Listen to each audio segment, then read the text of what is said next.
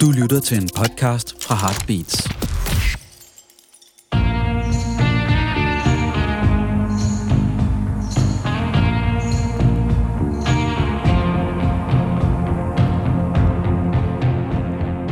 Så er det sørme tid til endnu en gang rockhistorie. Og dine værter er, som sædvanligt, Henrik Kvejs og undertegnet Claus Lyngård. Og vi er nået til nummer 225 i rækken, Henrik. Det er da også noget. Det må man sige, men vi har også været i gang siden 2017. Så øh, ja, Ja, og vi har en gæst i studiet i dag, en øh, herre, man godt kan tillade sig, uden at fornærme nogen at kalde, en veteran efterhånden. ja, man kan også godt sige, at det ikke er hvem som helst, øh, der sidder i den varme stol. Det er navnkundig øh, Nikolaj Nørlund, som jo sørme har været på banen siden slutningen af 80'erne, og pladedebuterede vist i 91, er det rigtigt? Trains and Bones? Det er korrekt, det er korrekt. Altså, du har været, og du har så også, udover indspillet plader med Trains and Bones and Planes og Rhonda Harris, så har du også udgivet en lang række soloplader, og det er derfor, du er her i dag, fordi vi skal snakke om din 12. soloplade, som hedder Alle Søstrene. Jamen, og tak fordi jeg måtte komme. Ja, tak. det, er, det er en fornøjelse, Nikolaj, at du er her. Og som så altid, når vi har en gæst, så har vi valgt øh, et nummer hver fra vedkommendes aktuelle album, så vi er til gengæld meget enige om det første, vi skal høre. Øh, Det er vores begge tos yndlingsnummer fra albumet, det hedder Mørkerød, og det er en duet med Nina Lundberg øh, fra Ganger. Ja, Ja, som vi var inde og se for nylig, Henrik. Det var også en fest. Ja, vi havde jo også Thomas fra Ganger som I studiet ja, her det er ikke så lang tid for siden, ja, hvor han spillede blandt andet temaet fra Teenage Ninja Turtle. Hvad? Teenage Mut- Mutant Ninja Ja, Turtles. ja. Ja.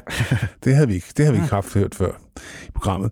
Øh, men vi skal lige høre Mørkerød sangen her, og øh, så bagefter, så, skal vi, så kommer Nikolaj i den varme stol.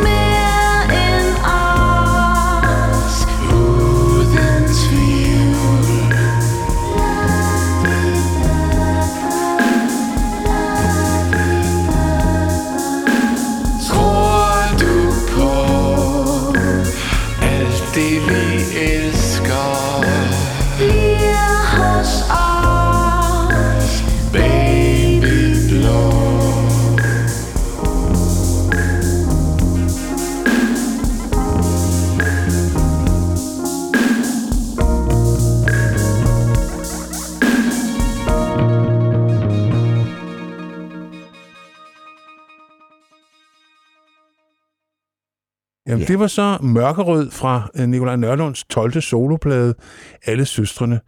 Øh, Nikolaj, du har jo faktisk øh, samarbejdet med en del forskellige mennesker på den her plade.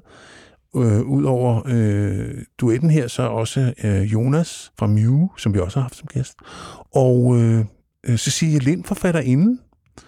Hvordan er det kommet i stand? Jo, for det meste er det noget med, at jeg har sendt en uh, sms, eller en eller anden form for elektronisk kommunikation. Og øhm, det, det er tit, at det fungerer bedre. Jeg synes, det er okay at gøre det på den måde, så folk ligesom ikke får den lige op i hovedet. Ja. At man ligesom øh, går op til dem på gaden, eller sådan noget, og de ikke har en chance for at sige, for at sige nej. Eller sådan noget. Så det er det der der er fordelen ved sms. Det synes jeg er meget fint. Det der med, at man kan sige nej, Ja. øh, uden at det bliver for pinligt. ikke? Jo, Jo, eller man kan få har også nogle gange lidt betingelser, hvor man kan svare på det. Ja, men ja. Sådan lige så at tænker man, okay, nu er der gået en time, nu er der gået to. Ja. ja, Er det godt eller skidt? ja, det er rigtigt. Så nogle gange så... Så, så knækker den på et tidspunkt, hvor, det, hvor man tænker, okay, nu er der gået så lang tid, at det faktisk begynder at blive positivt igen. Ja. Fordi ellers havde hun ligesom bare sagt nej. Ikke? Jo. Jo. Men øh, ja, Nina, jeg, jo, jeg har jo hørt ganger, og øh, jeg synes, at Nina har en helt fantastisk stemme. Og jeg vil gerne have en, som kunne øh, synge øh, sådan, sådan nærmest lidt altagtigt, lidt, lidt, lidt dybere kvindestemme. Og, og det, det, det var ligesom, jeg lagde hele tonarten på nummer for lige at ramme det område på pigestemmen, som jeg godt kunne lide. Og så var hun selvfølgelig, eller heldigvis, mener jeg, frisk. Ja. Og øh, det er jeg super glad for. Fordi det er jo sådan en rigtig duet, Ja. han har sagt. Ikke? Jo. Altså, der findes forskellige. Der, der er ægte duet- duetter, og så er der falske duetter. Falske duetter, det var når man bare synger en sang sammen. Men en ægte duet, der er det ligesom skrevet med to forskellige point of views. Ja. Og øhm, Ja, der er det en samtale, kan man sige. Ja. ja. Det har vi også lavet en podcast Ja. om. ja, ja, så det, I, det ved I godt, det bliver jeg ikke klar af. Nej, det gør ikke noget. Lytterne, nej. lytterne er måske meget glade for Ja, at få ja. det repeteret. Og det, det, er jo ikke, det er jo ikke første gang, jeg har gjort det. Det synes jeg også er sjovt. Jeg synes, det er en sjov størrelse at arbejde med, simpelthen duetten som begreb. Ikke? Du har jo hele taget igennem hele din karriere samarbejdet rigtig meget med andre folk, fordi du har jo også rollen som producer og pladeselskabsmand og alt muligt, så du har haft mange kasketter på. Ja. Jo, jeg synes, det jeg kan slet ikke lade være. Nej, Det vil være mærkeligt for mig. Ja, og så, ja, så lavede vi Mørkerød, som jeg også er super glad for. Ja. Som er sådan lidt det, er en, en, øh, ja, sådan en flodromance. Men er der sådan, lidt, lidt, ja, lidt i min lille verden, som, men nogle gange er det meget godt at have sådan et afsæt at skrive på, så ender det ikke nødvendigvis med, det det, det sangen handler om, eller, eller hvad den handler om for andre og sådan noget. Men jeg havde, for mig var det lidt to elskende på hver sin side af Dnipro-floden. ikke? Jamen, det synes jeg fungerer godt. Og er der et overordnet tema på alle søstrene, eller er det sådan en flok sange, der talt godt sammen? Jamen, det er en flok sk- sange, der er lavet over en, en altså over det samme år, og netop de der taler godt sammen, det er lidt, det er sådan set derfor, det var, det var en tidlig øh, playlist, hvor jeg bare kaldte den alle søstrene, fordi jeg synes, de ligesom, de smitter lidt af på hinanden, og de har et forhold til hinanden, og så hang det lidt fast, da jeg ikke kunne finde på noget andet. og så, så var der også sådan, jeg synes, okay, der er utroligt, der er Cecilia, der er Nina, og der er mange piger, og jeg også, der er også flere sange, som er, er skrevet med, øh, med øh, synsvinkler, øh, piges synsvinkler, og også i det hele taget betyder pigerne ret meget. Det er jo dem, der skrev verden, så... Ja, det hænger på, det hænger på dem. Ja. Men nu, som Henrik plejer at sige, now to something completely different. Fordi nu skal vi så, som det er traditionen tro, når vi har en gæst, kigge på en spilleliste, som gæsten har lavet, og øh, vi har, giver altid vores gæster frie tøjler, men vi har også øh, lavet sådan en diskret opfordring til, at det på en eller anden måde måske får en selvbiografisk skær. Der er en fortælling, og det ved jeg så ikke, om der er, det må du jo afsløre. Det er taget meget bogstaveligt. Okay. Godt, jamen så ved vi det, fordi at vi starter jo helt tilbage i 1956. Vi skal tilbage til 1956. Vi skal tilbage til en rockklassiker, kan vi vist roligt kalde den, som er indspillet af rigtig mange andre, men den originale version er vist nok lavet i en ordentlig brændert med ingen ringer end Screaming Jay Hawkins. I put a spell on you. Jamen, det er der, hvor vi starter i den her rejse. det er en lille boks, vi har i mit barndomshjem med syv tommer singler. Og som øh, hardcore nok, øh, uden covers, de så bare ved siden af Okay. hinanden. Sådan, det tog man ikke så tungt. Okay. vel? Og der var og de her to første numre, det er fra den kasse der.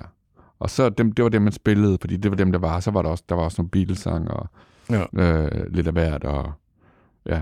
Var Det, det som, som sådan nogle samlinger er fuldstændig ret random. Nogle ting, min far havde taget med hjem fra USA. Nogle ting, der ligesom kommer forskellige steder fra. Så, og så går der fem år, hvor der ikke bliver købt nyt. Ja. Hvor, det, hvor Ja, ja, bare er dem. Så de ligesom får deres eget liv, ikke? havde I så også en gramofon, hvor singlerne faldt ned oven på hinanden? Nej, det kunne man ikke på den der. Vi havde flere gramofoner. Vi havde en, som vi spillede på, mig og mine brødre. Vi var fire. Øh, og jeg var den yngste, og så havde vi mine forældre en nede i stuen, ikke? Det var jeg meget betaget af. Det var der Ja, ja, nogen det på noget. vejen, der havde. Ja, Ja. det var Ja, også cool. Så kunne ja. man lægge pladerne, Ja. og så kunne man bare lave faktisk en playlist ikke? Jo, jo. med singler. Det var det er frækt. Ja, det var frækt. Nå, Ja, ja. men hvordan, øh, altså, hvordan oplevede du så sådan, det er jo en ret vild, øh, vild udladning, han kommer med her. Øh, og det var ikke noget, der var et hit i Danmark, så vidt jeg var Det var ikke et nummer, man sådan hørte i Danmark, tror jeg. Nej, jeg tror ikke, jeg har hørt det andre steder. Ikke før det kom med, eller var med i filmen Ja. ja. sådan en 25 år efter, eller sådan noget. Ja. øh, Ja. Jarmusch-film. ja, Mystery Train, ikke? Ja. Jo, præcis. Men øh, jo, jeg, jeg kan huske, jeg kan også huske at høre det sammen med en kammerat, høre det fem gange i træk, og kunne alle detaljerne, og især den, hans afsluttende øh. Ja. Fordi hvor- når det hele er klinget ud, så kommer der sådan et øh. Ja. Og det var vi ret passionerede af. det, er en god, det var en god brænder. Men det var ret sjovt, fordi den var jo faktisk oprindeligt tænkt som en ballade, den her sang. Og så blev de pissefulde i studiet, og så endte han med at synge den på den her måde. Han fik simpelthen blackout, kunne slet ikke huske noget, så han skulle, Okay. så han skulle lære sangen igen, var han nødt til at høre optagelsen for Ja. at finde ud af, hvordan han skulle gøre det. Ja. Og Nina Simone, hun tager den jo så bogstav. Hun laver ja. Ja. et helt album, der hedder På det spiller en Ja. ja. hun så giver den som ballade, så man kan godt få høre den på en Det er også en anden, fed version. også Ja. fed version. Men det her er jo sådan, kan man sige... Var du med inde og høre Scream Jay Hawkins, da han spillede i Montmartre? Nej. I 89? Var du der? Ja, ja, det var super fedt. Hvor han havde den der stunt der, men han blev båret ind i en kiste, og ligesom Okay. steg op af kisten med sin øh, Med sit stav der, og sin øh, sådan robe, han havde på, og sådan Ja, noget, ja, og det rimelig dødningehoved, vildt. og, og det, det, var, det var meget underholdende. Nej, det, nej, det, er, gået- det er gået helt... Nej, Okay. 89, det var også det år, hvor jeg var indlagt. Nå, okay, ja. Så giver det sig selv. Ja, der gjorde jeg ikke så meget andet end at kigge ud på Nej. Lollands marker. Men lad os høre Screaming Jay Hawkins fra det herrens år 1956.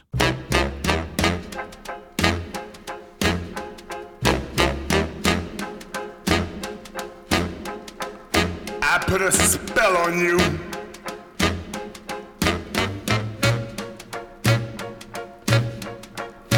Because you're mine.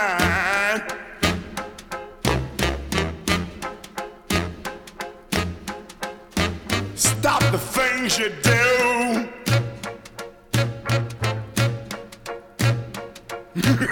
What's up?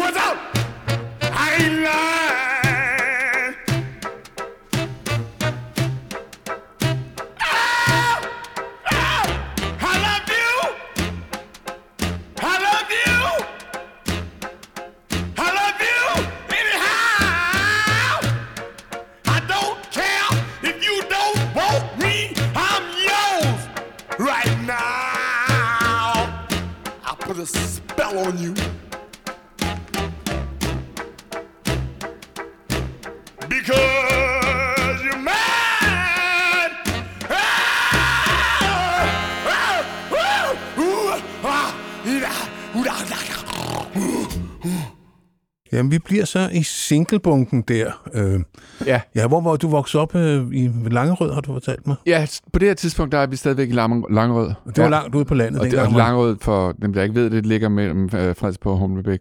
Og det var sådan en, øh, ja, det var sådan en lille gård, vi boede på der, som mine forældre bygget om. Og, og som sagt, så boede jeg der sammen med mine brødre og mine forældre. Og det var vel langt ude på landet dengang? Ja, altså. Det tænkte man ikke over. Nej, jeg, jeg, jeg ved ikke om, jeg forstår noget andet ved langt ude på landet. Okay. Ja, ja. altså, Jamen, der, det var- var, der var et trinbræt, og der var en en bus, og der var biler. Og, og, Ja, ja. altså, så det var skal ikke sådan. man, så skal man til Jylland et eller andet sted. det, det mørke i Ja, Jylland. ja. Så er det langt ude på landet. Ja, det er rigtigt. Ej, man kan så også komme langt ud på landet nede på Sydsjælland.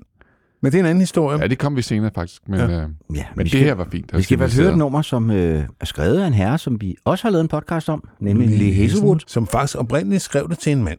Men så fik han en chance, han skulle producere Frank Sinatras datter, Nancy, og så tænkte han, hvad nu hvis den bliver sunget af en kvinde? Jeg tror faktisk, det var hende, der insisterede på, Var det det? At, ja, at, Nå. at, at det kunne blive sunget af en kvinde. Ja. Og så, så bliver det heller ikke... Det havde måske været et ret hårdt nummer, hvis det var blevet sunget af Ja. en mand, ikke? At det kunne vi ikke have spillet. Nej. Og der kan huske, der var et punkband, der lavede den om til These boots are made for walking, and one of these days is gonna kick the shit right out of you. Ja, det kan også noget. Men det var så ikke den version, hun lavede. Nej. Men det er jo en, en klassiker, og jeg vil sige, hvis man er ude at DJ, og folk danser, altså, den fylder stadigvæk gulvet. Okay. Det er jo sådan en, øh, en, en sang, kvinder elsker. Og det kan man ikke godt forstå. Og mænd, ikke? Ja, ja, og med. ja, ja men øh, du ved, som du sagde før, det er dem, der skal redde verden, ikke? Jo, jo. Så let's get our priorities straight, ikke? Hvad, hvad, hvad gjorde den med dig dengang? Jamen, dels er, er hele lyden jo fantastisk, ikke? Ja. Ja. Som, og, og når man ikke har så mange referencer og sådan noget, så, er det, så får den ligesom sit eget verden. Og det der uh, basgang er jo genial, ikke? Og så, hun er jo bare dejlig, ikke? Selvom man er- kun er otte, så kan man godt blive lidt forelsket, ikke? Ja. Jo. Og så, fordi hun, hun har bare en crisp, crisp Ja. ting kørende på sig der, som er... Og hun har attitude, ikke? hun er attitude, hun er fræk, uh, hun har det hele, ikke? Jo, det må man nok sige. Jamen, without much further ado, Ja. så lad os høre Nancy. These Boots Are Made for Walking, der kom som single i december 1965 og nåede førstepladsen både i England og USA. Ja, det var, den kan jeg godt huske. Den var på top 20.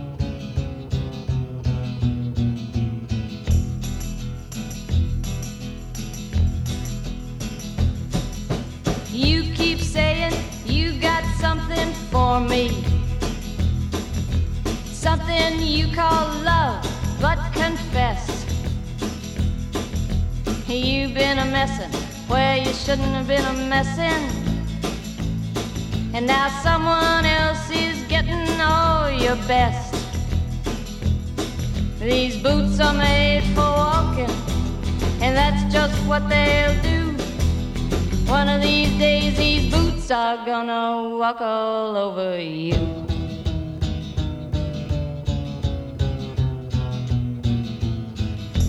Yeah. You keep lying when you ought to be truthin'. And you keep losing when you ought to not bet. You keep saying when you ought to be a changing. Now what's right is right, but you ain't been right yet.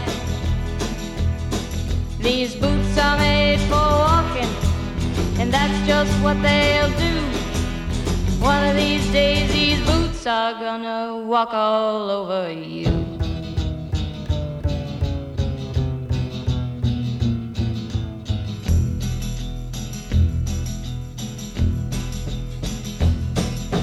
You keep playing where you shouldn't be playing. And you keep thinking that you'll never get burned.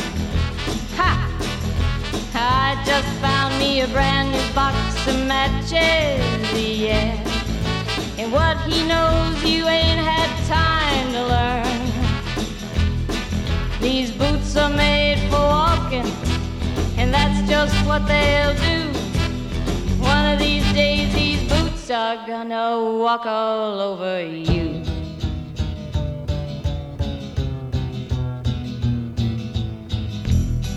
Are you ready, Boots? Start walking.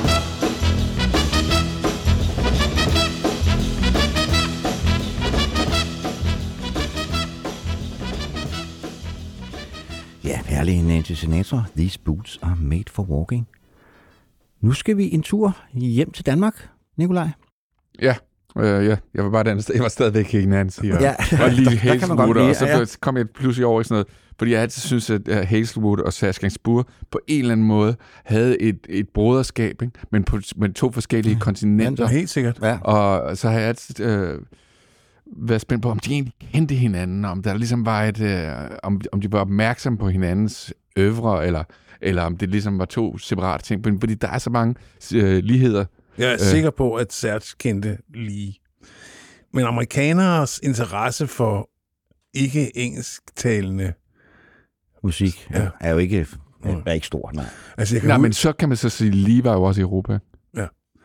Serge Gainsbourg Men, øh, fortalte jo en historie om, at da han kom til Jamaica, han skulle spille med Sly and Robbie, der havde de ikke meget til overs for ham. Og så sagde de til ham, vi kender altså kun én fransk sang. Nå, sagde han, hvad er det for en? Ja, det er den der, hvor de boller. Nå, det er mig, der har lavet det. så steg han akkelsen for ham. Ja. Jo, jo. Ja, det var, det var bare lige en side. ja, det var også en anden sidehistorie, jeg kom med der. Men vi skal høre Benny Andersen og Paul Dissing. Vi skal høre fra øh, deres øh, fra sangcyklusen Svantes Viser, som kom i 1973. Og blev som- meget, meget stor i Ja, min mor elskede den. Ja. Vi hørte den meget hjemme hos os. Jeg elsker den. Ja. Jeg elsker den også. Ja, jeg, jeg- og jeg, jeg, det er faktisk ikke så mange år siden, jeg, jeg fik den på vinyl, og øhm, det var bare et dejligt gensyn. Og det havde, øh, det tror jeg egentlig også, vi havde dengang. Men, øhm, og bogen også. Ja, Ja. Det var jo sådan en lille bog, der hørte Ja, med også. Men jeg synes stadigvæk, den plade lyder sindssygt godt i dag. Og det, jeg vidste, jeg ville have noget af Paul Dissing med, som jo er en kæmpe held for mig. Men man kan jo kun vælge, vælge et, og så synes jeg, det var sjovt at tage et af de her, fordi jeg synes, de lyder øh, rigtig godt. Der er også de der ting, og de rocksange og Beefeaters og alt, alt muligt, som lyder sindssygt godt også. Ikke? Men nu synes jeg bare, var det den her vej. Jeg synes, den har sådan et eller andet... Øh, der er nærmest også sådan lidt Jan Johansson øh, skandinavisk over sound på den her også. Også fordi tematikken er det der dansk-svenske, og, og det synes jeg bare er ramt ret godt. Det er og, det, og så og, og, og, så han præsenterer sig godt lige på det. Og så er det også sjovt at høre noget andet end, end, end Nina af sangen, ikke? Ja. Øhm, som jo er fantastisk, det? Men øh, Ja, vi skal høre Svante i Stormagasinet, som indeholder en linje, som jeg i hvert fald kan identificere mig med, at billige tilbud har kostet mig dyrt. Øh, det kan jeg roligt sige, når jeg kommer på sådan en plademesse. Ja, det var faktisk et nummer, vi ikke spillede i vores Paul Nej, Dissing-program. jeg kan ikke huske, hvad vi Øh, spillede, for vi spillede heller ikke Nina-sangen Hvad hedder for det? Og, Svante. Nej. og det var den plade, der ligesom gjorde Paul Dissing sådan folkekær. Før det var han jo egentlig sådan ret øh, forhat.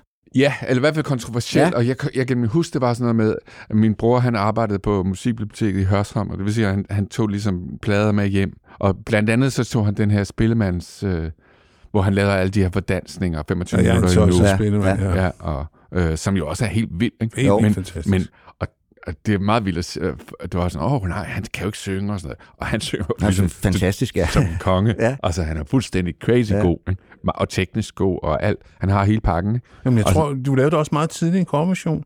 Til Ja. ikke? Som er det med tekst. Altså, vedkøst faktisk på Trains-pladen. Og så tror jeg, så spillede jeg godt nyt i dag øh, på Roskilde Festival en gang. Ja. Som også er et fedt track. Fedt Ja. track, ja. Ja. Ja, men øh, lad os høre Svante i Stormagasinet øh, fra Den udødelige Svantes Viser. Og det er ikke nogen helt uproblematisk tur. Nej, heller ikke den. Selv i en ganske almindelig butik Rammes jeg ofte af skræk og panik Men når jeg går ind i et stort magasin Kræver det mere end min selvdisciplin.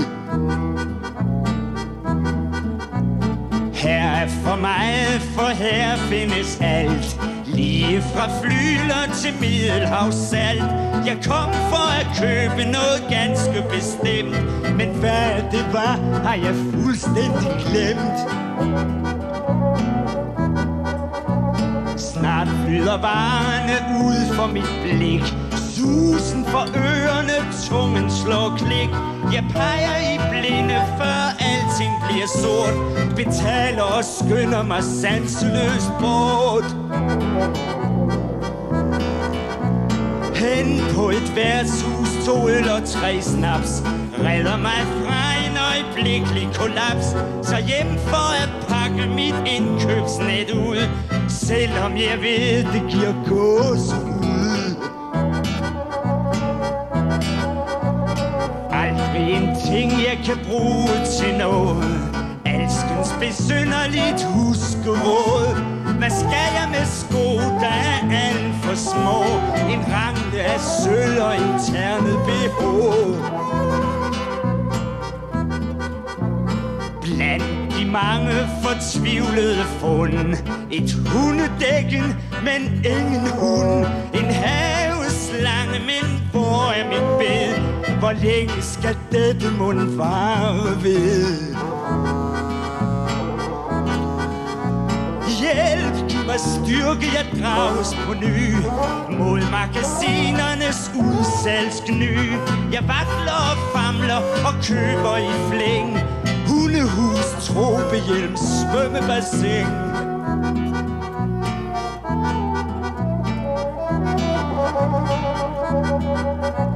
Således lyder mit vidnesbyrd.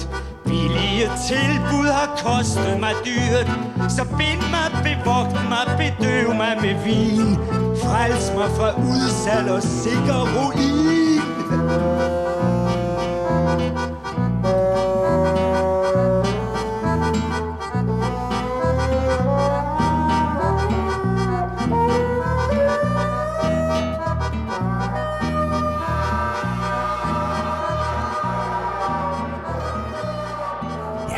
Svente i stormagasinet. Og det var, som du også var inde på, det, det pissegodt arrangeret, den her plade. Altså, den der fagot er helt vild. Altså, vi blev Det enige om det sindssygt nok. godt. Det lyder Ja, sindssygt vi- godt. Det lyder Vi er stadigvæk blevet enige godt. om, det er Peter Bastian, der spiller den. Vi blev Ja, det faktisk er, det er, her. er, er 99,9 procent sikker på. sådan øh, for godt monopol, ikke? Jo.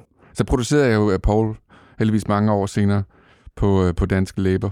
Nå ja. Nå, det er han, rigtigt, ja. Hvor han sang sin... Øh, det var eller Anders Stones... Øh, som øh, fuld på en snor, Bird on a Wire, som jo bare var fucking crazy.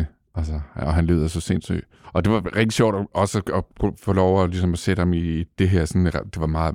Vi lavede slet ikke nogen dubs. Det var kontrabas, guitar og flyl, ikke? Og, så, og så Paul. Øh, og han lyder jo helt sindssygt. Så det var dejligt. Ja, jamen det er sådan, at der er skønt nogle gange, når ens drengedrømme får lov til at blive Ja. livet ud. Ikke? Ja, ja, nu skal vi så høre en, jeg ved, du ikke har produceret. David Bowie. Ja. Ja, der var så alligevel... Det nåede du ikke, Nikolaj. Nej, nej, nej, for satan da. Jeg plejer jo at sige, at, øh, at det var den første plade, jeg købte, det var Hunky Dory. Og Hvor jeg så lyver lidt, fordi den første plade var Shubidoo 8. og jeg prøvede faktisk den her gang ligesom at finde et, et nummer fra Shubidoo 8. Jamen det er, det er svært at sætte op imod. ja. Så jeg vil bare sige, al ære til Bundsen, og, og, dem, og, jeg, og det, øh, øh, det, der var nogen, der gjorde opmærksom på, at jeg faktisk havde scoret fra Shubidua her på min forrige plade, med med fraserne, om det fanden er det, synger, kys eller vold, eller du eller mål, eller kys eller vold, som så faktisk er liftet fra Shubidua. Okay, ubevidst. Ja. Men så det siger man bare, hvor meget det, så- at de burde have været med, men de kom så ikke med den her gang. Men øh, at de betød rigtig meget for, det, øh, altså Shubidua og Gasolin selvfølgelig, ikke? Øh, for den måde at høre dansk musik på, og det, det sprog, man fik ind i hovedet og sådan noget. Men nu, så den anden plade, jeg købte, det var så David Bowie, hvor det, øh, som min, Dory, min bror, ja. har, Ja. bror overtalte mig til at købe. Eller han kørte faktisk op og hente den for mig for mine penge. Men, Og sådan er brødre jo. ja, det var fedt, men det var en ja. god idé, og jeg er taknemmelig. Det var også en af de første plader, jeg købte, og det var den første Bowie-plade, jeg købte, fordi Ja. der havde jeg set Live on Mars-videoen i fjernsynet. Okay, ja. Så, og det det vil sige, at Ziggy Stardust var kommet på det tidspunkt, men jeg ville have den, hvor Live on Mars var med på. Og det var så Hunky Ja. Ja. Og så er det sådan noget med at skrive teksterne ned på sådan noget øh, 8-9 år i engelsk. Ja, ja, ja, Det var ja, nogle altså, fede, fede høringer. jeg var, sikker på, at han, jeg var sikker på, at han var genial. Men på det tidspunkt, der var kommet en sangbog, da jeg opdagede Bowie, det var lidt senere, der var kommet en sangbog, som man kunne låne på bibliotek, så mange af teksterne, som jeg synes havde været helt uigennemtrængelige, dem, de var så i den der, jeg, jeg har den stadigvæk, øh, den, så jeg købte den selvfølgelig, da jeg så faldt over den på et tidspunkt. Og det var så, sådan faktisk en meget dejlig, men teksterne var jo i The Man Who Sold the World, der var et tekstark inde i. Okay, jamen, Det det, var var, min- der ikke på, i Hunky Dory. Nej, det var min første Ja. ja. øh, Bowie-plade, så der var ikke så meget. Men så fik jeg den der single, Rock and Roll Suicide med Quicksand på bagsiden, apropos. Og Quicksand, den skulle man altså lige tykke lidt på, og det er den, du har valgt. Ja. Som jo er sådan en meget kompleks tekst. Ja. Ja, men jeg har, jeg, jeg har faktisk, det var, jeg har spillet den, jeg, jeg havde sådan, da jeg turnerede i 97 med, med nye optagelser, så havde jeg sådan en sekvens i koncerten, hvor, øh, jeg, hvor jeg spillede alene, hvor jeg spillede nogle sange alene. Og der spillede jeg blandt andet den her. Øh, så jeg har ligesom et, et tæt forhold til den. Jeg så synes, det er en fantastisk sang, men jeg ved godt, det stikker rimelig af med Beauty Brothers, og jeg skal og det hele, og hans ligesom forhold til nogle lidt dodgy typer. Og sådan. Ja, ja. Det, er, det stikker lidt af, men, men, men det er også bare en smuk sang. Og det øh, ja også, med, jeg synes masse, også, og det, med, med masse name Himmler og Nietzsche og, ja, og satan, Alistair ja. Crowley. Og, ja, ja, Alt det mørke, jeg elsker Crowley, så jeg på. det lå der rigtig meget tiden jo. Og så synes jeg Jamen, så, faktisk, det, og så, så har han jo det der mystiske, det var Ja, ja, ja. Bowie. Om det så er ligesom Alistair Crowley, eller, eller nazi-referencer. Og, altså, han har jo gjort sådan nogle ting, men det, men det er også ligesom, det holder os vågne, ikke? jo, Jo. det gør det. og så er det også, kan man høre, hvor dygtig en arrangør Mick Ronson er, også på Ja. det nummer her. Altså, Ja. han får for lidt credit. Han får altid credit for en god guitarist, men han er også pissegod arrangør. Det er jo som regel ham, der har arrangeret numrene. Og så må jeg sige, jeg har jo en svaghed for Bowie, når han spiller 12 strings. Det har jeg. Og den kan man rigtig køre her jo. Jo, jo. Så. Og så er det jo sjovt nok, fordi der er jo også den her Bob Dylan-sang, altså Bob Dylan hyldest sang på Ja. ja. pladen. Og der er jo ovenikøbet to, der er også en til Andy Warhol, ikke? Jo. Jo, og, en Altså- til, og en til Velvet Underground. Ja. Ja, og så, det er altså mange på en sang, Ja. ja. hvor der er ni sange eller sådan noget. og, så, Der så, bliver og, så, og så det her er jo i sig selv også en, en Dylan-hyldest, fordi det er sådan en Dylan-næsk. Ja, det Ja. er det helt sikkert. Det er det helt sikkert. Men øh, det bliver den ikke dårlig af. Nej. Quicksand.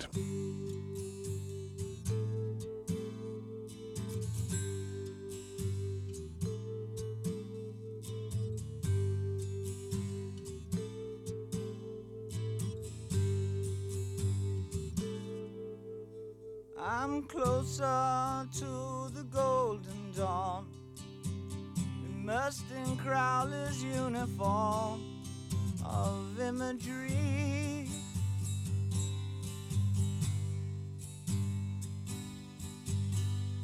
I'm living in a silent film, portraying Himmler's sacred realm of dream reality.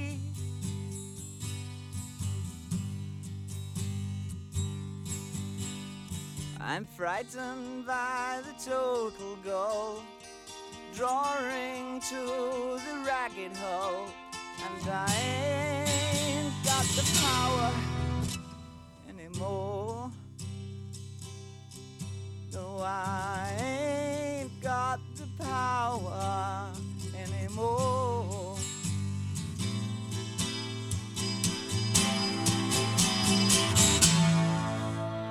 I'm the twisted name on Garbo's eyes, living proof of Churchill's lies. I'm destiny.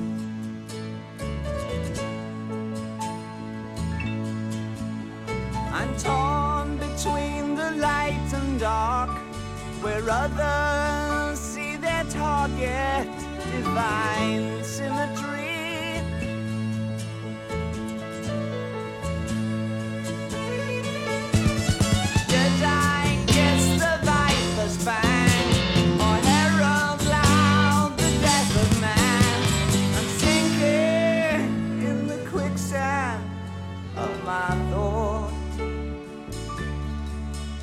I ain't got the power anymore.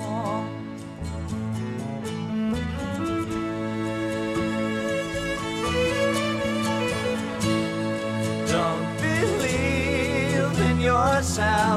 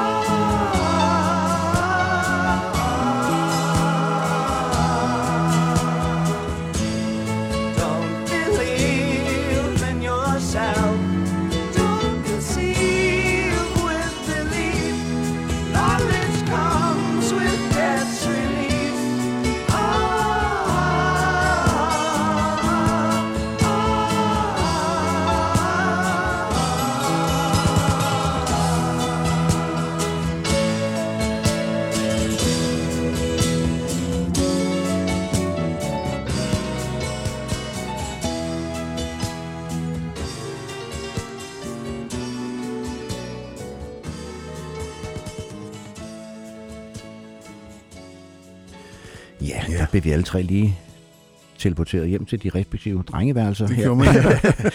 med Skal jeg love for, Bowies ja. Quicksand, som jeg ikke forstod en skid af dengang. Det er ikke sikker på, stadig gør, men jeg og mener heller ikke, man heller ikke skal krav. forstå en tekst. Nej. Altså, den kan godt være god alligevel. Men det er ligesom ja, Ja, en poesi. Ja, altså, ja. ja.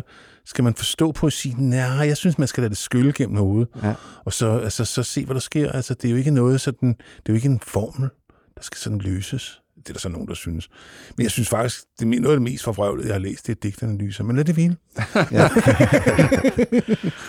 Men Hvor- nu øh, springer vi frem til ja, endnu en fælles Helt. helt, kan vi roligt ja. sige, og en plade, som jeg har hørt virkelig meget i 1979, da den Også kom.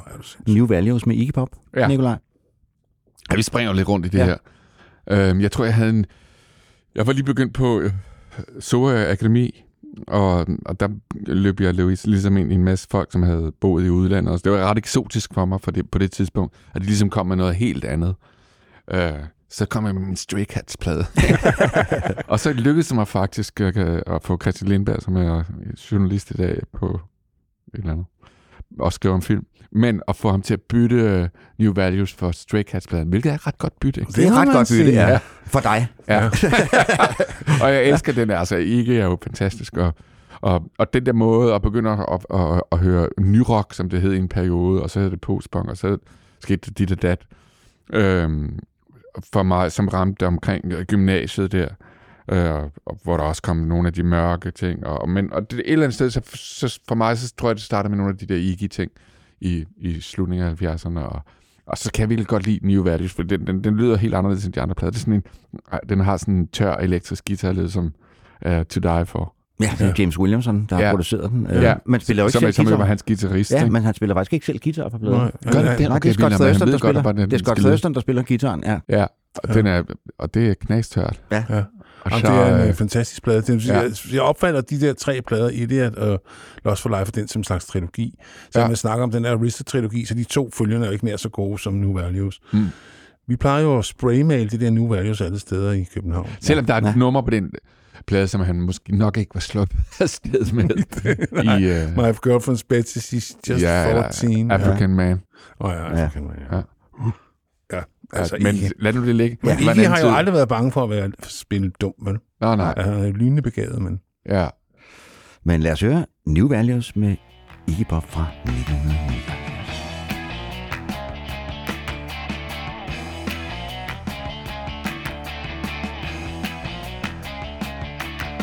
I'm healthy as a horse. Ah, but everything is spinning. And if I use a gun, I'm sure to go to prison.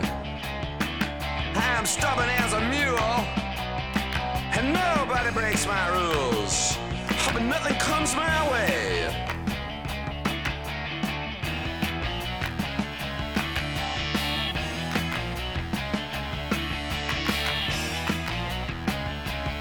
I got a hard ass pair of shoulders. I got a love you can't imagine. Yeah, and what I got, I double. I swear I'm keeping out of trouble. I'm looking for one new value. I'm looking for one new value, but nothing comes my way.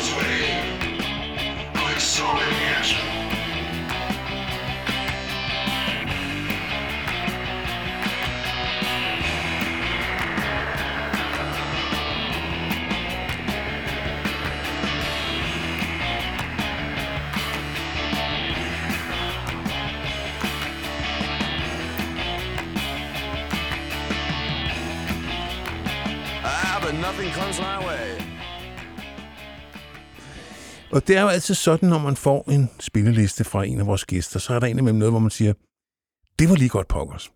Og det er faktisk ikke fordi, at jeg ikke kan lide det nummer, du har valgt. Jeg havde bare ikke set det komme. Vi snakker om Hot Chocolates, Everyone's a Winner, som hvis man var around der i slutningen af 70'erne, så var det jo et nummer, man ikke, det kunne du ikke undgå at høre. Det blev spillet alle steder. Det var sådan, når man gik ud og dansede, så var det jo en sikker vinder på dansegulvet.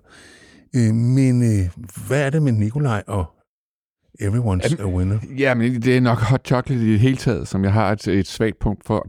Det fra dengang, men også fra nu. Altså, jeg, jeg, synes, jeg synes, det lyder sindssygt godt. Det gør det Altså, altså, det, det er- det, det er Mickey Mouse, der har produceret det. Ja, det er lyder skide godt fucking produceret. Godt, ikke? Ja. Altså, og, og den måde, det er skruet sammen på og sådan noget. Så, så synes jeg bare, at jeg havde brug for, hvis det skal være bare, at det hele ikke var sådan noget hvid rock. ja. øh, fordi det er ikke rigtigt nok. Altså, eller det er ikke rigtigt, sådan er, sådan er min, øh, har mit liv ikke været. Nej. Og der har også været alt det her, ikke? Jo. Jo, Så det er bare, det er bare, det, er- det er bare ligesom, ja. det er måske mere brugsmusik på en eller anden måde, selv, selvom det ved jeg sgu ikke rigtigt. Men jeg, også på, på et tidspunkt, så, så begyndte jeg også at købe de der chocolate, hot chocolate-plader ind, altså som voksen, ikke? Og, sagt, og har dem stående, og han, er- han er sgu meget vild, ikke? Jo. Så synes jeg, han, at nogle gange skal man også... Altså, vi jo lave det her program i parallelverdener, eller i Ja, næste ja. uge, og så vil jeg have 30 andre numre. Sådan er det jo. Ja, Altså, sådan er så reglerne. derfor... Man slår ned, man slår ned, altså det er ligesom det, den her Young sagde engang i det interview. Jamen, hvis du spørger mig i morgen, så husker jeg det hele på en anden måde, ikke? Sådan er det jo. Ja, ja, sådan er det. Ja, vi skal høre, vi skal høre, hvad hedder det? Ja, Hot Chocolate, som britisk soul slash disco. Mm. Øh, ja. Og som du var inde på, en ret, ret fed produktion. Never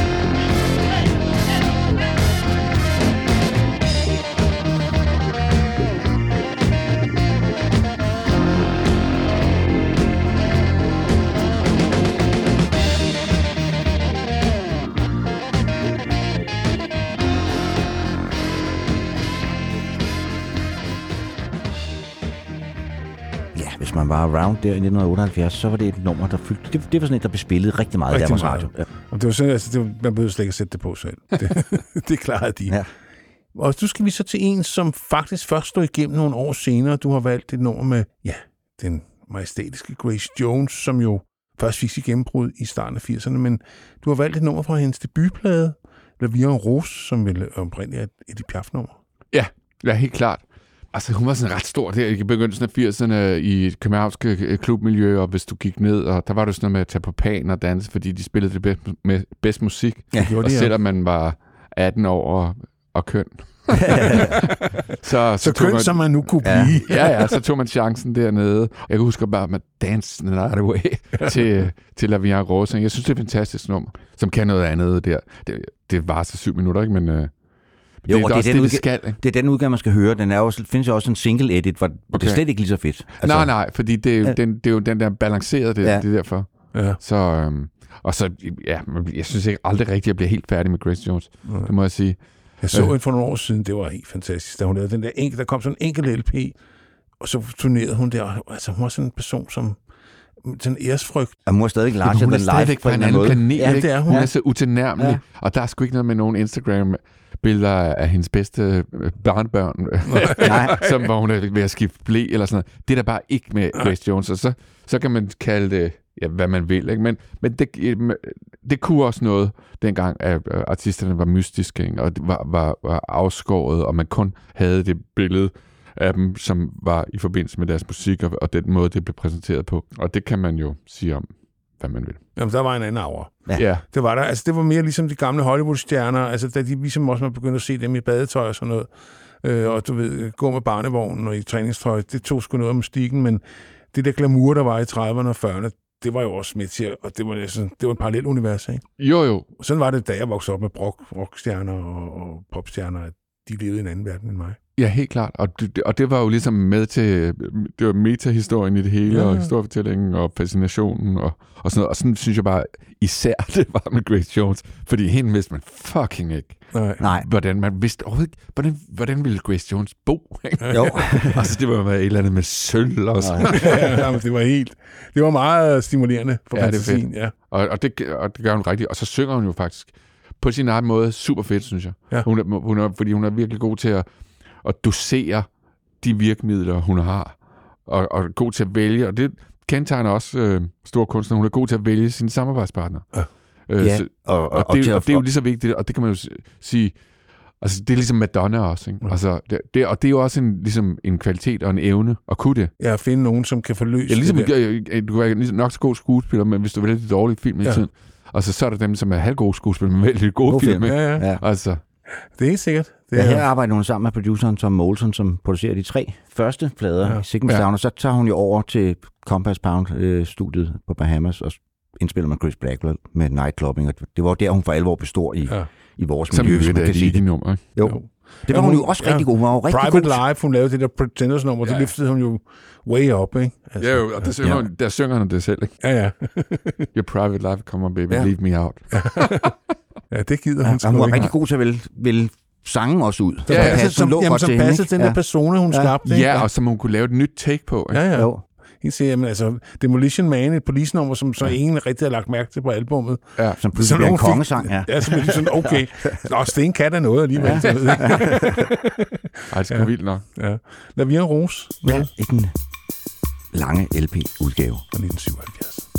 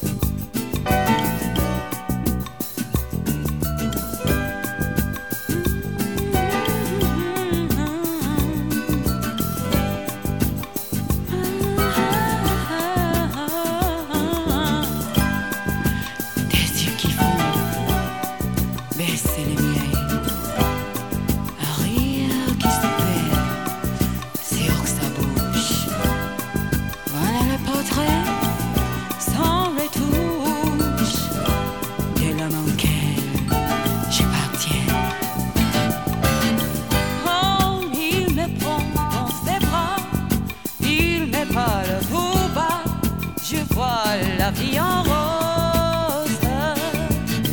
Il me dit des mots d'amour, des mots de tous les jours, et ça me fait quelque chose.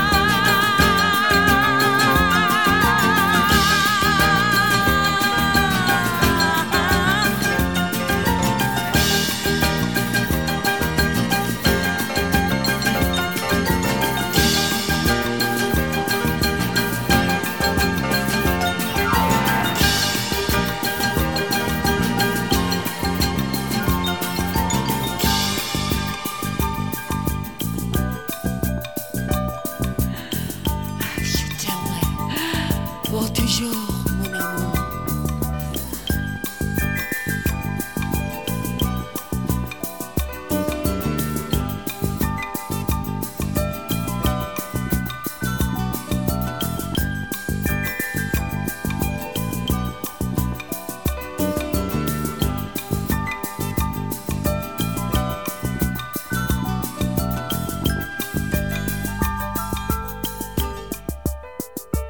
Fra en tough cookie til another tough cookie. Endnu en af vores helte. Vi har aldrig fået lavet et program om hende endnu, Henrik. Nej, Nina ikke endnu. Det kommer helt Det kommer sikkert. helt sikkert. Øh, som jo også faktisk er blevet større, efter hun er død på en eller anden mærkelig måde. End, hun fyldte ikke så meget dengang, men nu om stående, så er hun sådan virkelig blevet en, man regner.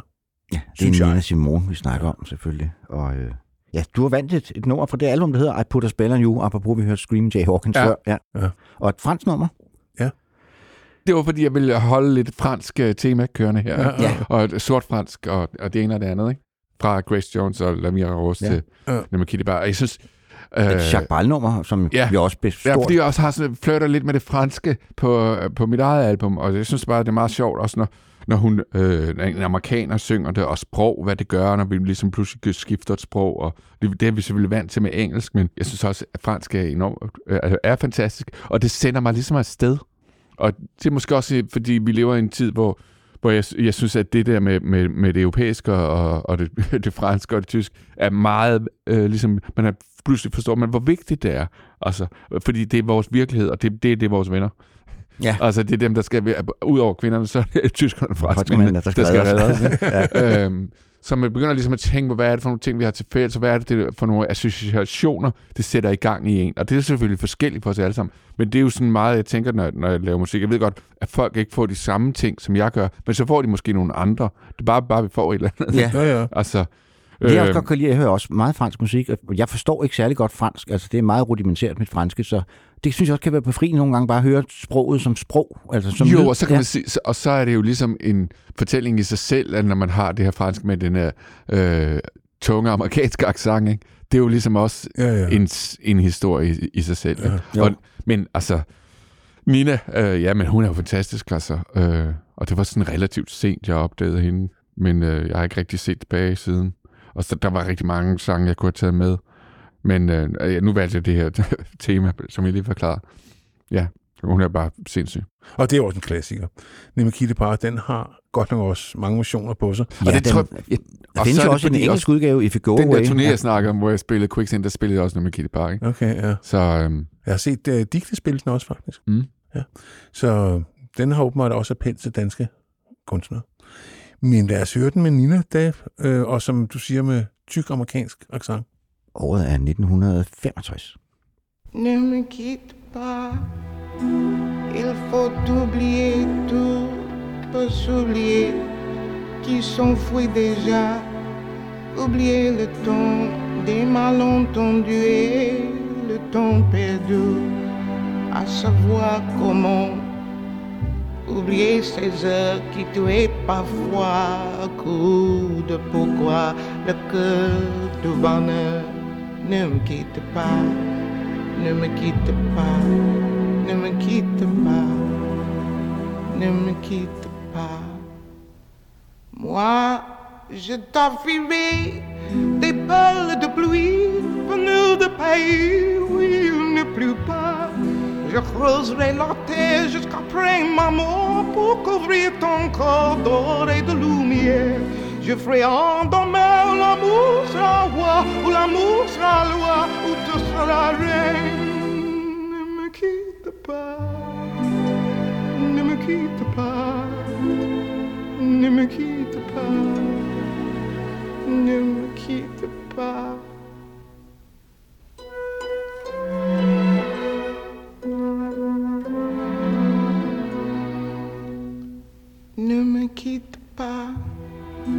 Je t'inventerai des mots insensés que tu comprendras.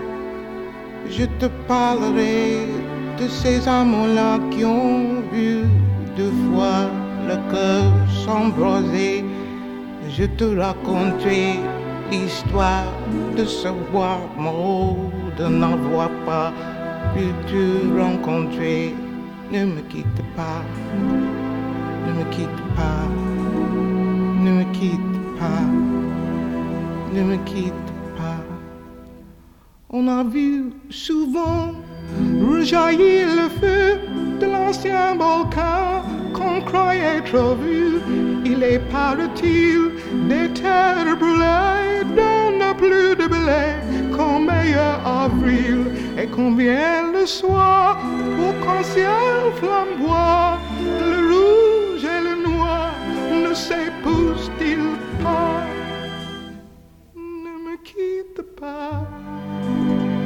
quitte pas, ne me quitte pas, ne me quitte pas.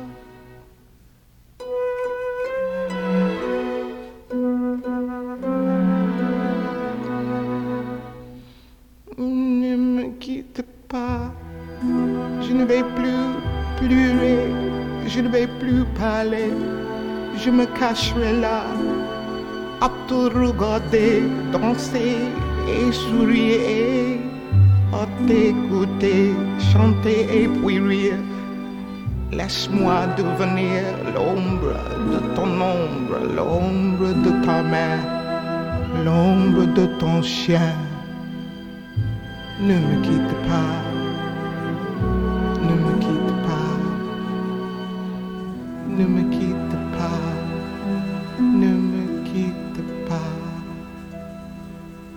Ja, du om et fransk tema før, øh, Nikolaj. Vi bliver i det franske, og skal over til en, også godt kalde heltene her i rockhistorie, nærmest ja. Serge Gainsbourg. Ja.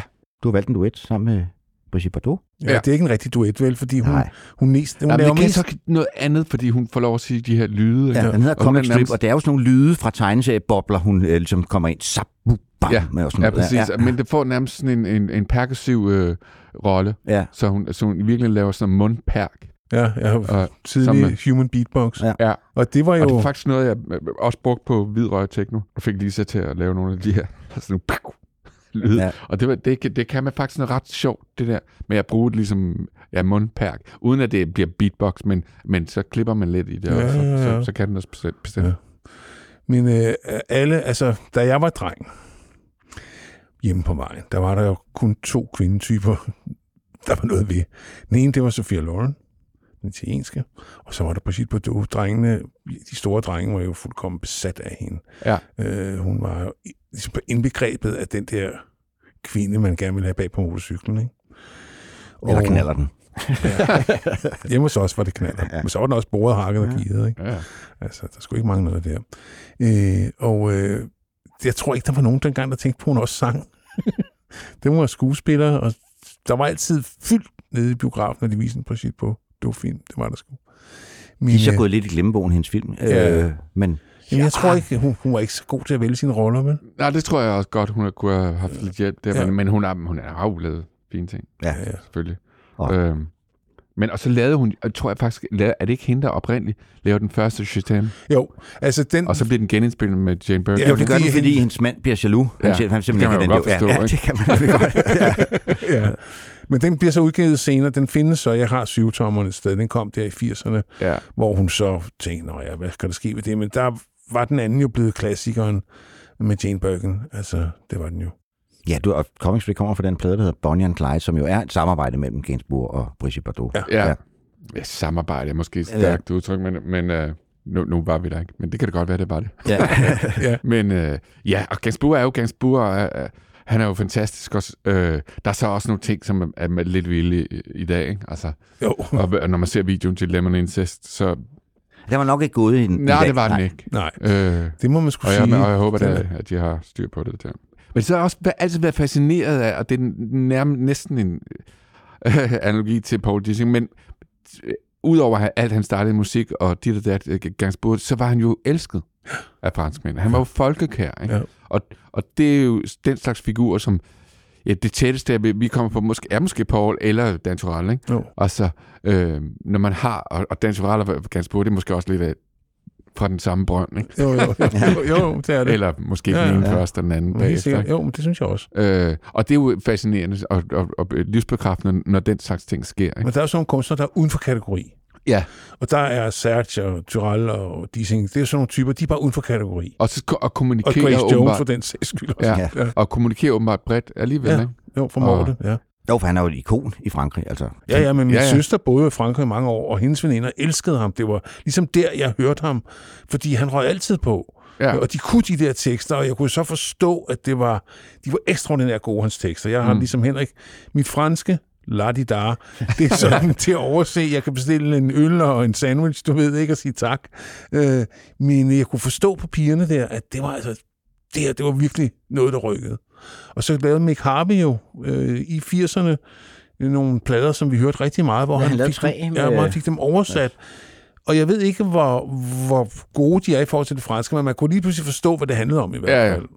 Øh, men der er jo også nogle ting på Shazam, hvor han blandt andet siger, jeg glider ind og ud af din lever og sådan noget. Altså, Okay, ja. du ved, Ja, ja. aha. så kan man lære det, ikke? Jo, jo. Godt, men lad os høre Comic Strip, og året er 1968.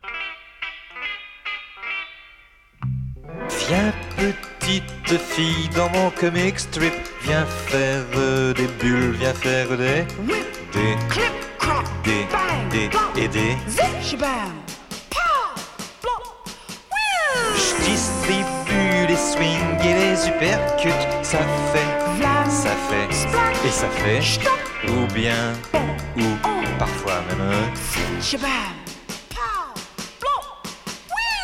Viens petite fille dans mon comic strip. Viens faire euh, des bulles, viens faire des Des Des Des et des Viens avec moi par-dessus le building Ça fait quand on s'envole et puis Après quoi je fais Et ça fait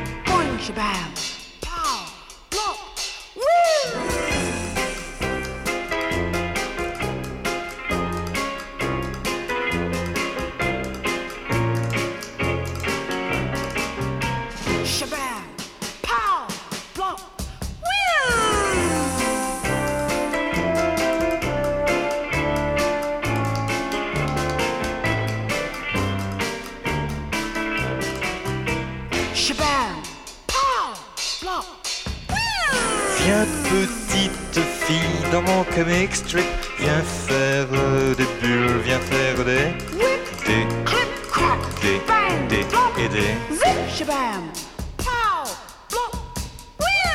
N'aie pas peur bébé, agrippe-toi.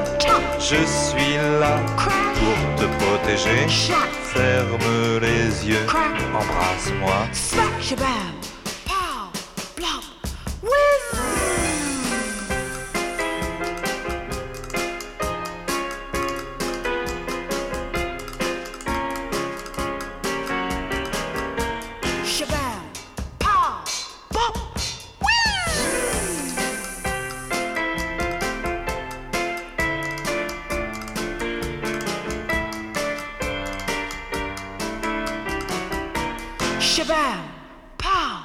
Blop!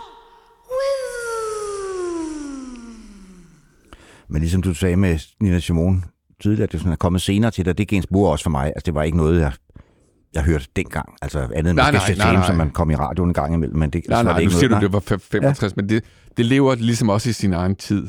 Øh, altså, der, det, ham kan du opdage i 2039, og det vil stadigvæk være moderne på en eller anden måde. Ja. Ja. Det er helt sikkert. Ja, vi skal frem til 1984, og et band, som Claus og jeg også lyttede meget til i den gang, i den periode her. Echo and the Bunnymen, og du har valgt nummer fra pladen Ocean Rain. Jamen, det var, jeg tror, øh, Bonnie Man, de ramte mig fra den første plade af.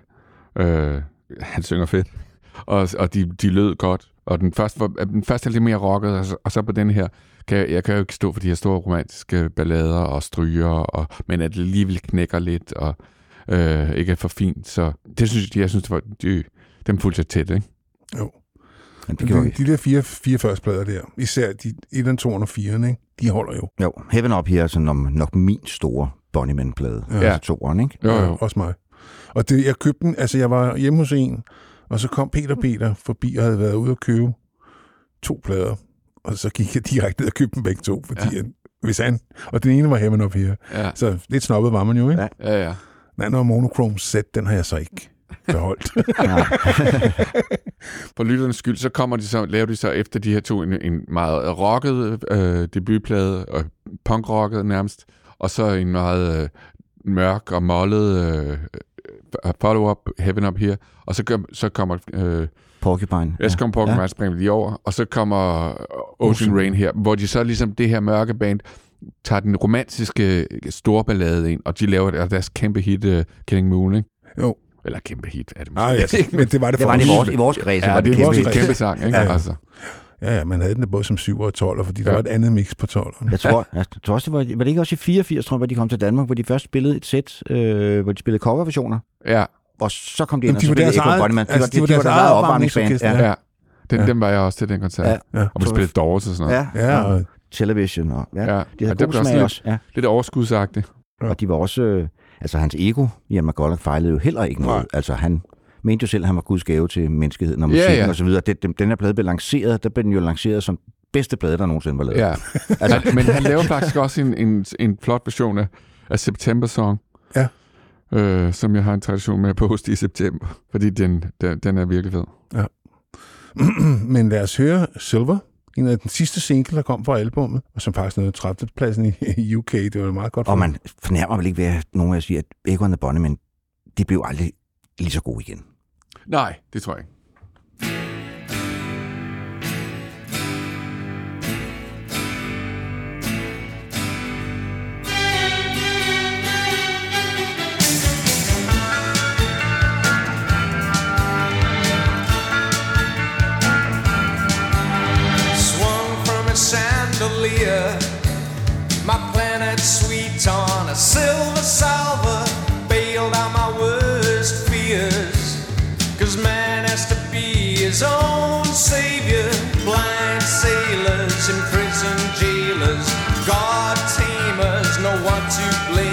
Sky is blue, my hands untied. A world that's true through our clean eyes. Just look at you with burning lips. You're living proof at my fingertips.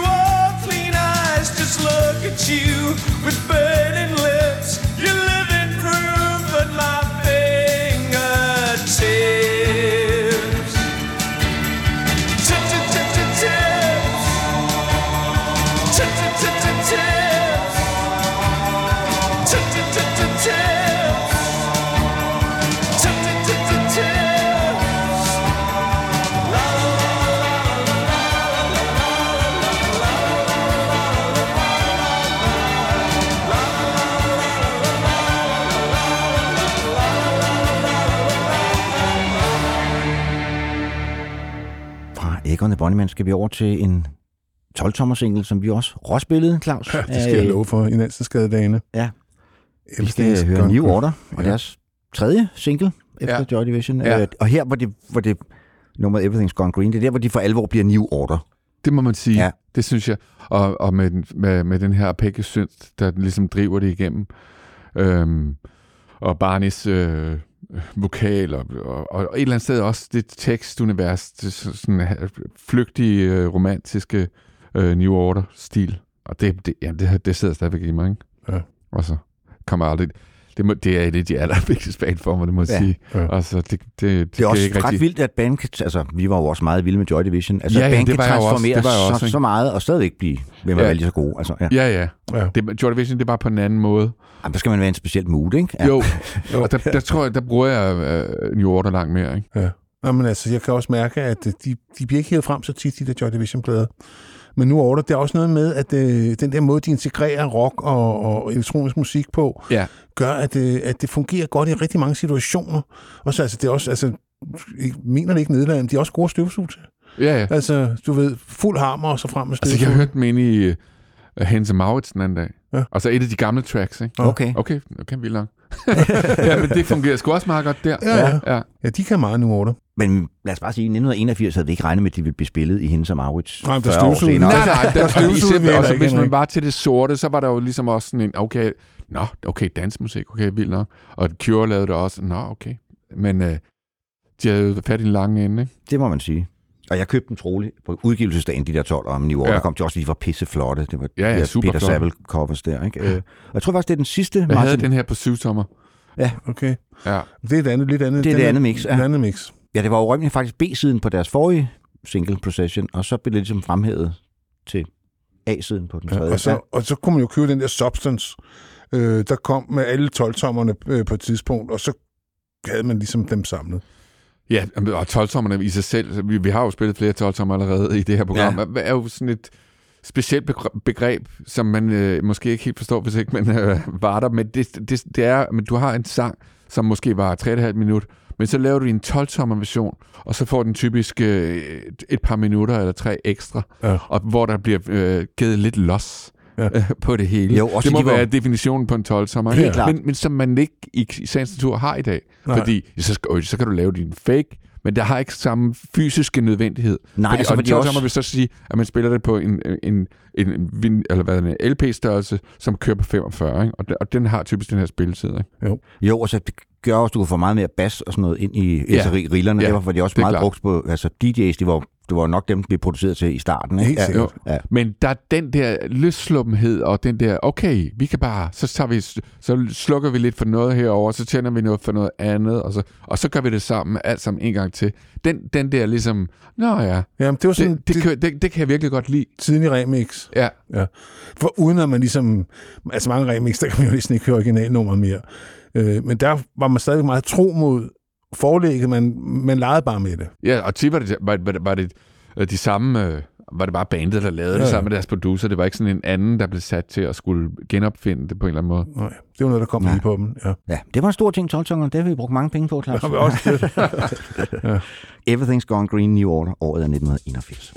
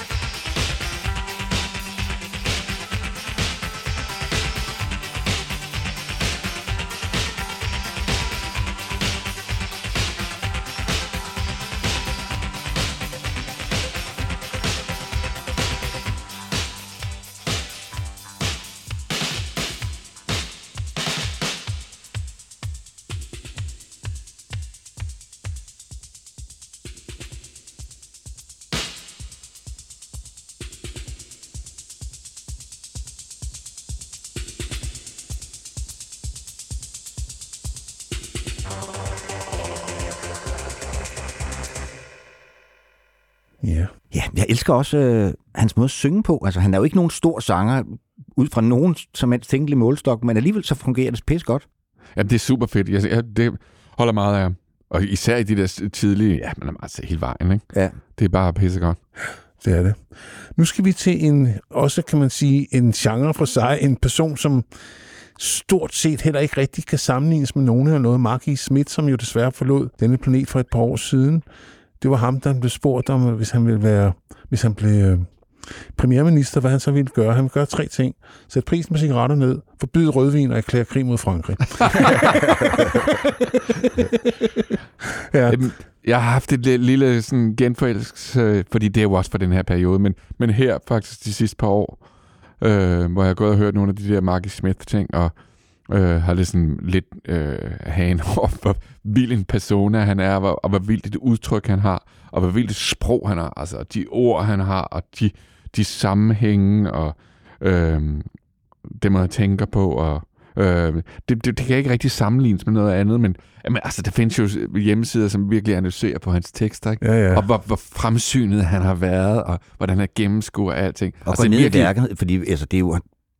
Borgen til, hvor, hvor hardcore misbrugeren var, så fik han jo faktisk lavet virkelig, virkelig mange plader. Ekstremt Altså, ja, produktiv, ja. ekstremt produktiv, Ja. ikke? Ja, og det, Og skal- jeg husker, jeg var inde og se ham i, i Lillevægge eller sådan noget, ikke? Og der var det så, skal de til at gå i gang, komme på scenen, og så tager ikke gebis ud og lægger på en af guitarforstærkerne. og så, okay, så kører vi. ja, det er så vildt. Og vi skal høre et nummer, der hedder New Big Prince fra uh, I Am Curious Orange, der kom i 88, hvor han stadig var gift med Brick Smith. Ja, det er sådan den sidste plade, hun er med på. Der, der har, ja. har de jo faktisk også lidt hul igennem i den periode. De laver jo sådan, Ja. får faktisk bare hitsingler. Jo, jo, nu har Ja. jeg også taget det her, fordi det Ja. ja. ligesom er Borderland. For mig er det her et hit, ikke? Ja. Jo, ja. Altså, jeg synes, det lyder fucking godt. Ja. Og det var i, helt klart i, i kraft af hende, at han- gjorde det ting. Men altså, man, der, der er gode ting i alle perioderne. Så. Ja, ja. Ja. New Big Prince.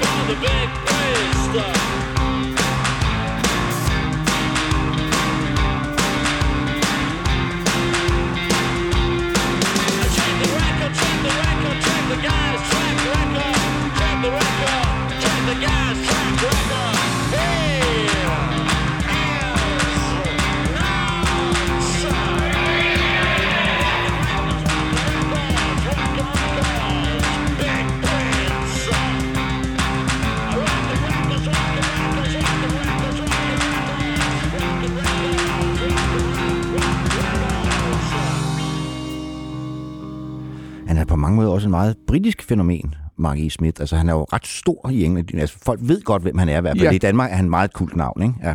Jo, men det er jo lidt faktisk i forhold til det, vi snakker om tidligere med Gainsbourg, hvor han var ligesom folkelig elsket. Altså, det er han næsten også, øh, ja. Mark Smith i England, ikke? Jo. fordi han er så engelsk. Det er Ja, sjovt, og den er så, har, har, du- har du nogensinde læst hans selvbiografi, Renegade? Nej, Den er simpelthen så underholdende. Og, Ja. ja. og det er klart, sådan, altså, det er en bog, han selv har skrevet. Det er ikke en eller anden ghostwriter, der har nej, skrevet den nej, for nej, nej.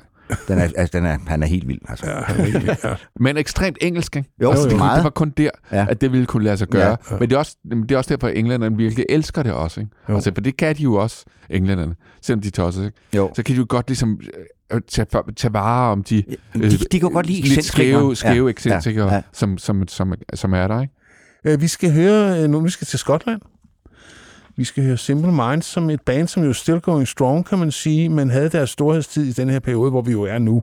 Mm. Øh, 80'erne, øh, dem styrker vi jo også på det her tidspunkt. Ja, de der, Ja, ja. så bliver de til gengæld virkelig dårlige og virkelig, virkelig store senere. Ja. Men, Ja, men det er det er jo ret sjovt, du har det- valgt det- det her nummer, fordi det er også sådan et band, jeg Ja, havde, det- ligesom, havde, glemt, men faktisk har haft en genopdagelse her inden for det sidste år, de der Og New, sådan New har, jeg, Gold sådan, sådan, har, sådan har, har jeg haft det øh, i nogle år efterhånden, ja. at, at det ligesom... Jo, jo, fordi det er jo mærkeligt, fordi at de ligesom netop blev store mere og meget populære og, og ændrede sig og på, til noget, som jeg ikke egentlig kunne lide. Men så ligesom at huske, okay, øh, den yngre Witt- Wittgenstein, eller sådan Ja. Altså, at der findes to versioner af det her, Ja, ja. og jeg kan virkelig godt lide det her. Det jeg jeg også. synes, at de netop, det der, som New Order også tog fat i, det var, var de også en del af. Det var også dem, der ligesom lavede den der øh, fusion mellem øh, elektronisk musik og rockmusik og popmusik, ikke? Og på en virkelig vedkommende måde. Og, Jamen, de og det var lige- enormt godt ramt, ikke? Ja, de havde lige sådan en stribe der, hvad, øh, Empires and Dance, og så den her, som jo faktisk er en dobbelt LP, Sons and Fascination, Sister Feelings Call, som kom som, som dog. Jeg købte den, der, der købte man Ja, men de, de kommer også som, som, som, Separat, hver, som, ja. som separat. Som Ja. ja. to, altså, som, den sound kan jeg virkelig godt lide. Ja, ikke? og så altså, New Gold Dream, som faktisk produceret af det Steve Hillage, en gammel Ja. ja. Prog-rock-musiker fra Ja. Gong, der producerede den. Øh, og man, altså, man kan jeg, godt, jeg kan foretrække dem her, for, for mig er det der allerede begyndt på New Gold Dream på en måde. ja, men, der, men der vidste man jo heller ikke, hvor galt det ville gå. og Jeg, kunne, jeg var meget glad for den dengang. Ja. Jamen, jeg, de åbnede Roskilde Festival, kan jeg huske. Det været lige der i starten. Og det var altså perfekt. Ja. Ja. De spillede den der Der Someone Somewhere in England, eller hvad England. Og solen øh, gik ned, og der stod de, og det var en god start på Roskilde. Waterfront. Og, ja. Ja, ja, gonna move on De, up to the de, waterfront. altså, de blev jo på mange måder det arketypiske stadionband. Ja. Med, Ja, med ja. alt, hvad vi ikke kan lide ved stadionband. Ja, ja, men fair nok, og det skal, Ja. ja. det skal de gøre, som de har lyst Ja. til. Men, men de her ting foreligger. Ja. Ja. ja. Og jeg tror faktisk hele vejen igennem, det har kun have været Jim Kerr og så gitarristen, der har kørt det show. Og så er det ellers ind og ud, ligesom med The Fall, ind og ud med alle mulige musikere i lidt kortere eller længere tid. Ikke? The Fall er jo stort set nok det ja. Ja. band i verden. Der har flest medlemmer. Ja. Nej, men der, på den måde, så hører man netop New Order, men, men glemmer uh, Simple Minds i den der, ligesom, Jamen, det er faktisk meget sjovt, for de der bands nærmest, der, altså Simple Minds, Echo og New Order, lige der i starten af 80'erne, det var jo den gyldne trekant. Ja. Så var der Teardrop Explode, som lå der, og Psychedelic First, de lå sådan lidt udenfor, men de fem bands, dem hørte så jeg. Cure også. Ikke? Og Og Cure, Cure, nej, ja. Cure, de må som vi sige firkant, må vi nok Ja. sige. Ja. Ja, for fanden, er sindssygt, meget Cure. Man hører, lad os høre Love Song fra ja, den del af dobbeltalbummet Sons and Fascination, Sister Feelings Call, som hedder Sons and Fascination. Øh, Ja, som har det fantastiske, at et, et omkvæd af et ord, det er bare love song. Ja. og det synes jeg er fascinerende. Det er altså minimalisme, men Ja. det fungerer. det gør det. Jeg har, Kommer også stadig, som- jeg har stadig 12 Ja, kom også som single i Jeg kan godt lide 81. Ja. Og blev et mindre hit nummer 47.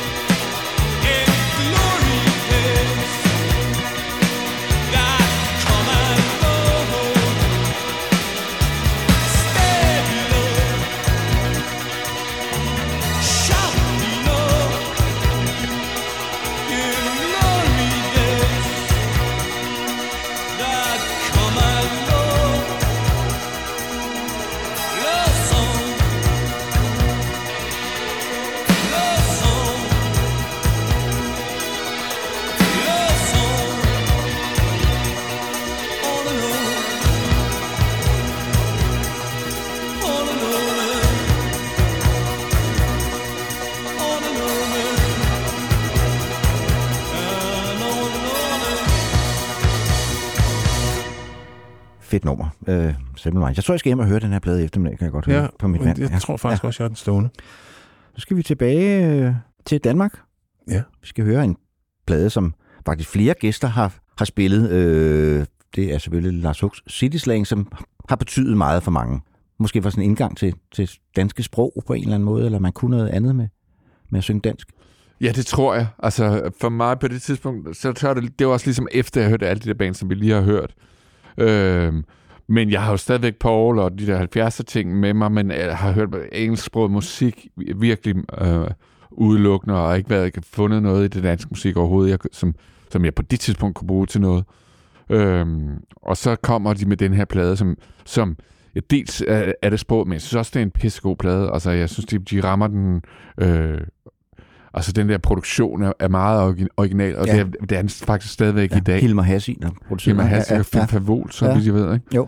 Øhm, og de gør virkelig godt... Øh, jeg synes ikke rigtigt, men man har rigtig, rigtig hørt den sound siden nogle andre steder. Jeg synes, den, den er sådan lidt for sig selv en Ja. ø. Det var ikke, fordi den satte gang i, i nogen altså bølge eller noget. Nej, Lars Hug lød jo heller ikke selv sådan Nej, nej, aldrig. Nej, nej. Men, men øhm, og det der halvimproviserede øh, måder, han laver øh, melodierne og sangene og synger sangene på, og, men som øh, har sine egne hooks, Ja, ja. som, som bliver enormt poppet på en eller anden mærkelig måde. Han Som- lavede jo sangene ved at tage en akkordbog, og så sagde han, tog han den akkord, og så tog han den akkord, altså uden at spille det, og så hvordan fungerer det?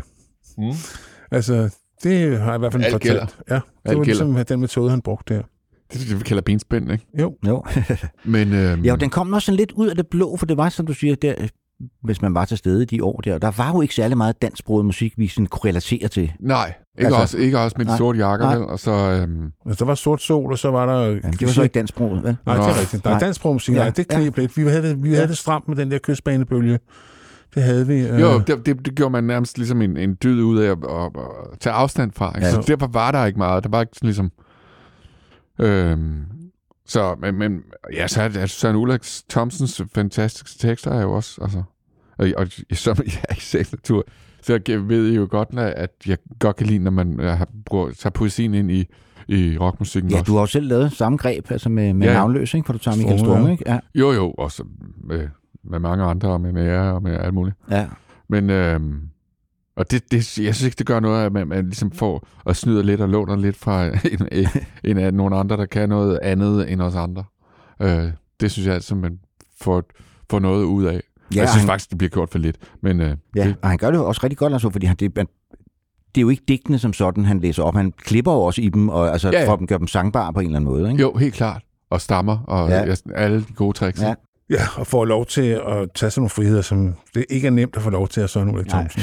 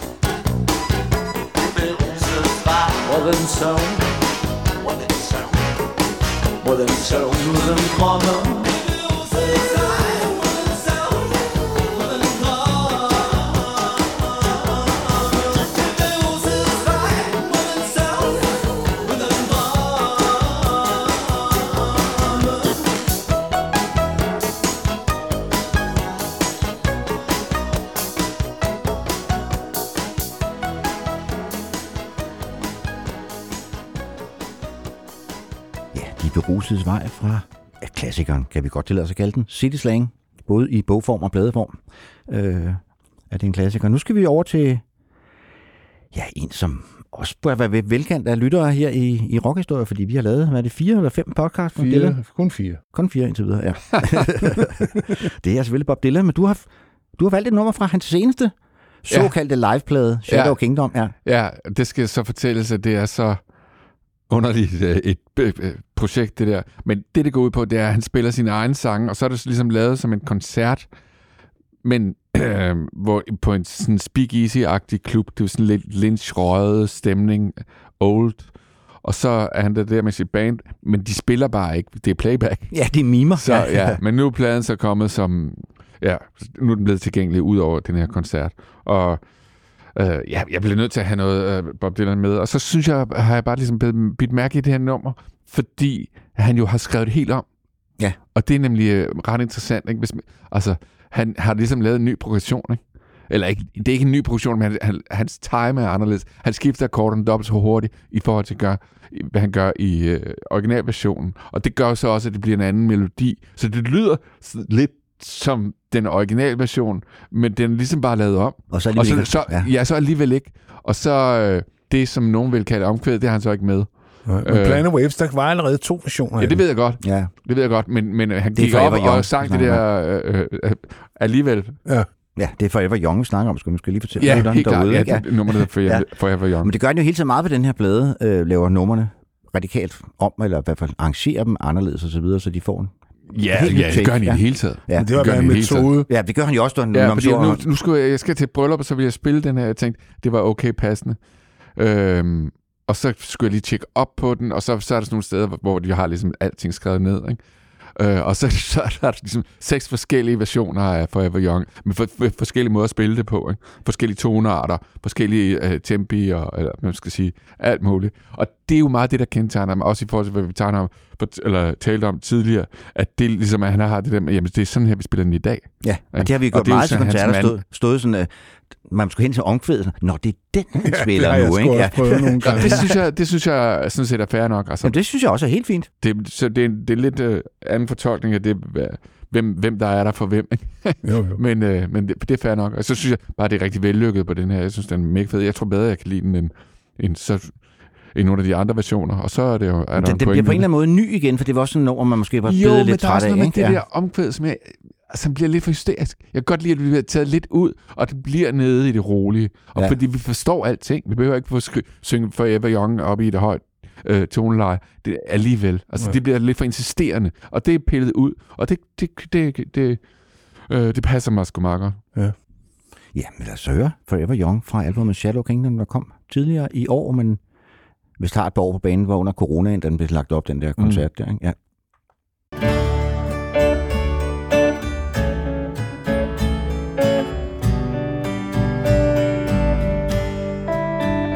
May God blessed keep you always. May your wishes all come true. May you always do for others and let others do for you.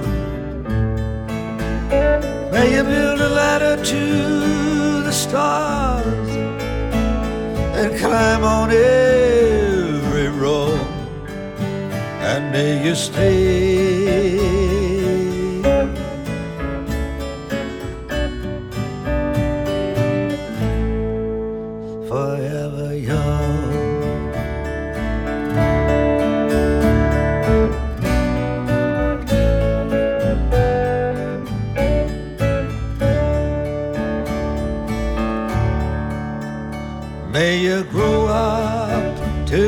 Righteous.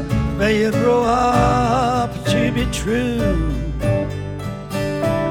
May you always know the truth and see the light surrounding you. May you always be courageous, stand upright and be strong and may you stay.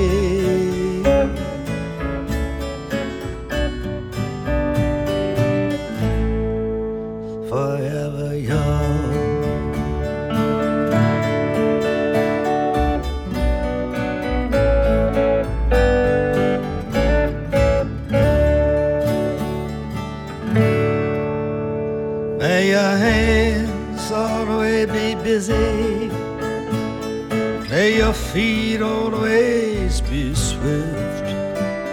May you have a strong foundation when the winds of change shift. May your heart always be joyful. May your song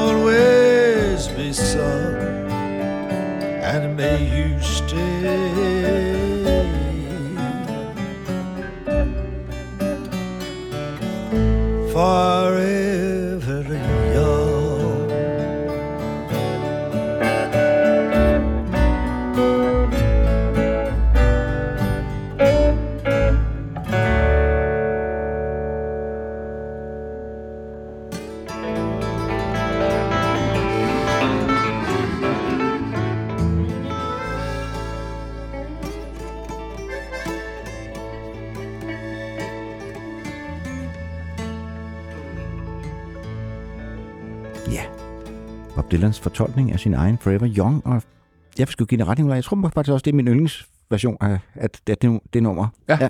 Og nu skal vi så over til ja, et band, som vi også har lavet en podcast om, Claus. The Et af mine- Go-Betweens, som Et af mine australske. favoritbands for den periode. Jamen, det er også bare et band, som ligesom ved deres sangskrivning øh, åbnede noget for mig. Øh, hvor de ligesom gav sig selv lov til at, at, at stikke lidt af. Og det, det er jo noget, jeg godt kan lide. At man ligesom giver sig selv lov til at bare at, øh, digressere ned af en eller anden øh, Ja, øh, retning. De lavede et nummer på, på en af deres plader der om surfer magazines. Ja. Det har, Ja. ja. jeg tænkt, jamen altså, why not? Altså, Nej, det- nej. Det var et band, som havde to store Øh, to- to sangskrivere. store øh, sangskrivere, Graham McLennan ja. og Robert Foster. Ja, Ja, og ret og så- forskellige som- som på- sangskrivere. som på en eller anden måde, øh, som, øh, ja, de, de er fra Australien, og så kom med noget lidt andet. Det er selvfølgelig en øh, anglo-verden, og det er anglo-sange, men, men de kom alligevel med en, en lidt en anden. Ja, der var også et andet band, The Triffids, som jeg var glad for, som også havde den her sådan lidt episke sangskrivning. Og, og ja, det var to forskellige sangskriver, Grant McLennan og Robert Foster, og, og så kunne man vælge lidt. Jeg var måske på Foster-holdet, men, og det er også en af hans sange, jeg har taget med her. Øhm, men at, at, at have det der take på, hvad, hvad man kan med rockmusik, altså som selvfølgelig også øh, ligger i forlængelse af Bob Dylan og, og 80'erne, og, og det er jo også et 80'er-band, det her. Så. Men øh, det var jo også meget på det tidspunkt, at man, øh, at man stifter bekendtskab med de her ting, og, der, og ting sætter sig, og så udvikler man på det siden, ikke? Jo, men det var også band, jeg hørte rigtig meget dengang. Og også sammen med The Triffids, og så tredje afstarts band, The Bad Seeds. Det, Ja, ja, for fanden ja. ja, ja, nu er jeg Ja. ikke noget kæbe med, det er jo også en skandale, men sådan er det. Sådan er det. Ja, ja. Men, Man, kan ikke, øh, man kan ikke få det man hele kan ikke få det hele. Og jeg synes, øh, altså, jeg er altid parat til at høre en Go Twins nummer. Ja. det skal ikke, Ja, det skal ikke fra øh, deres femte album, Jo. Talula, som også er lidt anderledes end andre, fordi det Ja, ja, første var hende der Amanda Brown er med, med på violin og obo Ja. Og sådan noget. Ikke? Ja. Jeg tror, det er mit favoritalbum. Ja. Øh, og det ved jeg, det er sådan har alle det ikke, men, men øh, sådan er jeg det. Og hvad er det for et track, jeg har valgt? Du har valgt The Clark Sisters. The Clark Sisters, ja, ja. Som også er en smuk, smuk søstrene, sang. Søstrene, ikke? Ja. Altså, der er vi Ja, igen, alle ikke? søstrene Ja, ja, ja, ja. Og ja, netop det der med, øh, bare, for mig, bare du siger søstre, ikke? Så er, er, det, har du allerede i gang i fortællingen. Ja. Og når du siger The Clark Sisters, okay, så er der nogle specifikke nogen, der er en historie her. Der er en ikke? historie. Og det er der så også. Det er der. Der er ikke så mange, bliver- der, er, ikke- der er ikke så mange hyldes til bibliotekarer i rockmusikken. For Nej. alt for få, ikke? ja, jo, men, Ja. ja. men, øh, ja, men jeg synes bare, det er dejligt. Så lad os bare høre The Clark Sisters for Tallulah.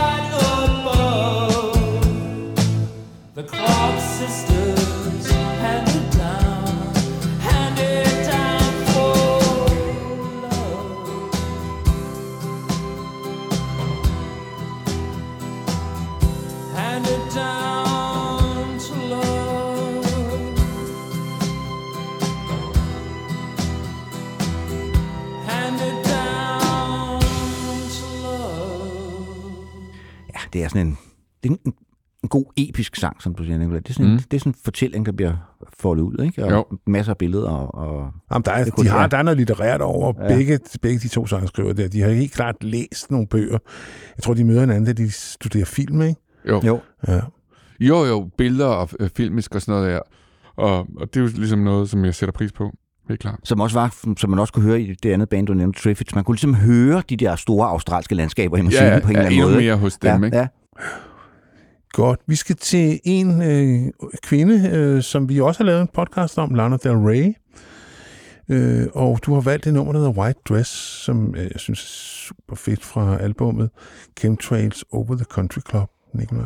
Ja, altså Lana, hun er, er jo... jeg har det, jeg har tabt mit hjerte til Lana fuldstændig. Men det Du er ikke handler- den eneste. Nej, det ved jeg godt. Det ved jeg godt. Men, øh, men det er også, hvad skal man sige, det er hendes udtryk, ikke? Og, og det, er hendes, øh, det er hendes værk. Fordi der er netop det der, som jeg talte om tidligere, hvor man har en, en, en mystik og en metahistorie, og, øh, og som går igen i, øh, i sangene, og bla- blander en ud af sangene, og, og videoer, hvor hun er ligesom både på den ene og den anden måde. Og det, det er sådan ligesom en komplet, øh, hvad skal man sige, et eller andet sted, en old school øh, metafortælling på en artist, ikke? Jo. Hvor, hvor, hvor du, ligesom, du, har, du har hende, og du har billederne af hende, og så har du musikken, og så har du videoerne, og så har du koncerterne selvfølgelig. Men du har ikke alt muligt andet, der forstyrrer det. Og det, det synes jeg bare, hun er en mester til. Ja. Så det kræver selvfølgelig, at man laver god musik, og det gør hun virkelig. Gør hun så også, ja. Altså, og fantastiske sange, og en episk sange, det ligger jo også i forlængelse af det der, men hvor hun så også samtidig kombinerer det med, altså det, det er jo ikke gammelt musik, men, men øh, det, jeg synes, det, det, det er moderne musik på sin egen måde, øh, men det har bare det er he- hele tiden en dragende fortælling, og en, en dragende virkelighed, og en metahistorie kørende, øh, og det synes jeg er fantastisk, og den her, hvor man ikke rigtig ved, om er, er, er der sket noget ubehageligt der, og, hun, og så pludselig synger hun med en stemme, man aldrig har hørt før. Ja.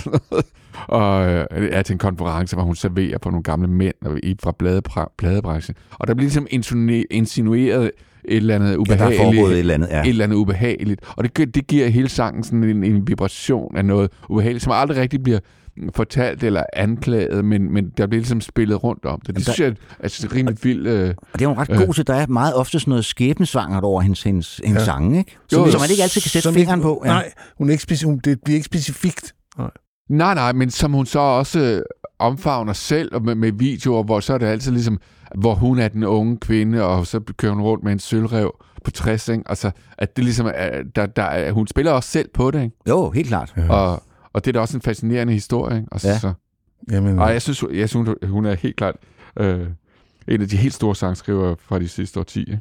Det kan vi begge to godt skrive under på, Claus. Ja. ja. Og selvom hun jo tit skriver sange sammen med, med andre, hun er primært Det er sådan nogle gode, hun spiller Ja, hun, er, hun, Ja, det er er, hun er jo primært Og, og, tekstforfatter. og det lyder som Lana Del Rey, ikke? Jo, jo. Jo. Selv hun har arbejdet sammen med, jeg ved ikke, hvor mange forskellige producer, men det, det lyder altid af Lana Del Rey. Ja, ja. Sunset,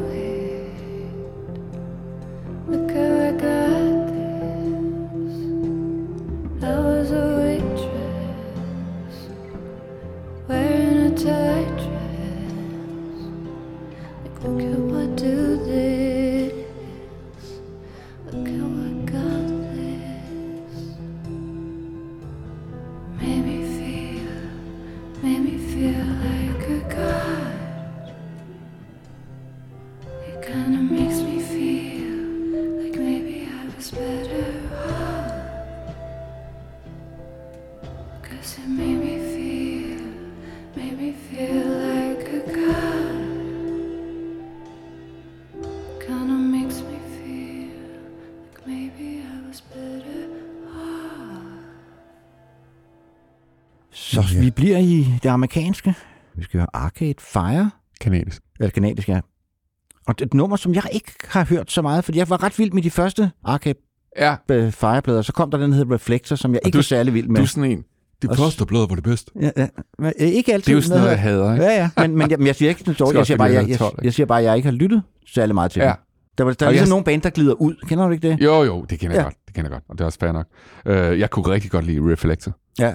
Jeg kan også godt lide de første, men jeg, men, uh, altså, jeg, jeg, jeg kunne egentlig, det er sjovt nok, med det her uh, orkester, kunne jeg godt lide, at de rykkede en lille smule mere stadion. Ja. og, de, og de lige kunne tage et skridt op til den store scene, en lidt større scene, uh, hvor det andet var mere, hvad skal man sige, indie-agtigt, som også er dejligt, men, men uh, jeg kan huske, jeg så, jeg så dem herude på øen, da de spillede for et par år siden.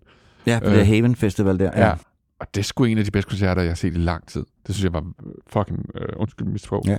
øh, meget overlegent, og det, den måde, de vandt det hele på, og det, det var sådan showagtigt med kæmpe scenografi, og øh, Win Butler i kæmpe stor, og, og han er jo to meter høj eller sådan noget, og på en, ovenpå en monitor, altså, han ejede den plads, ikke? Og så med bassen også, ikke? altså, det synes jeg var virkelig fedt. Jeg synes, de er enormt gode til at skrive det der øh, medrivende, og så lige den her sang har jeg været, altså været ret forelsket i.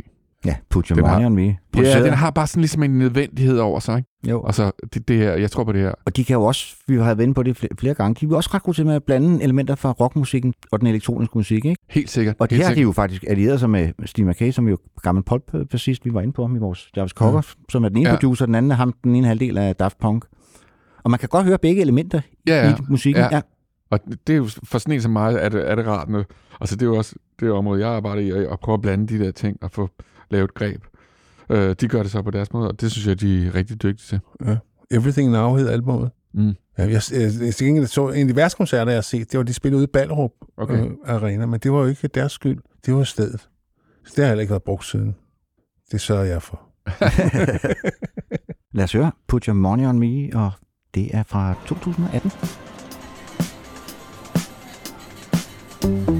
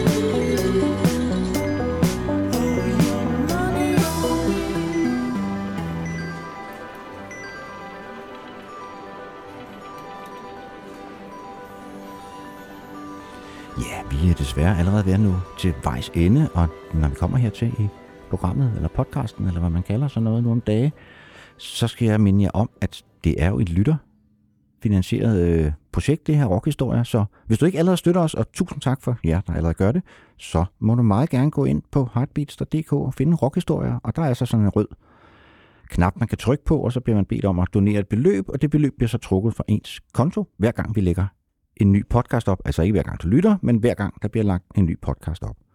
Og det øh, giver dig så også adgang til vores lytteklub inde på Facebook, hvis man har lyst til den slags, men under alle steder, så send more money. Er det ikke det, man plejer at Jo. sige, Claus? Ja. Ja. Og så, øh, ja, det har været en fornøjelse, Nikolaj. Jamen, vi- tak lige måde. Ja. Tak fordi I måtte komme. Yes. Ja, det var Og sgu vi så lidt. skal høre endnu et nummer fra din nye plade, Alle Søsterne, og det er den nye danske sommer, hvor du synger sammen med Jonas Bjerre fra Mew. Ja. Øhm, jamen, Jonas er jo øh, fantastisk sanger. Vi, vi, jeg tror, øh, jeg spillede en lille koncert med ham i 95 eller sådan noget, før de rigtig var breaket Mew Ja. ja. og sådan noget. Men, øh, og han var også med til en koncert. Jeg lavede en koncertsalen her øh, i foråret. Eller var det sidste år? Nå.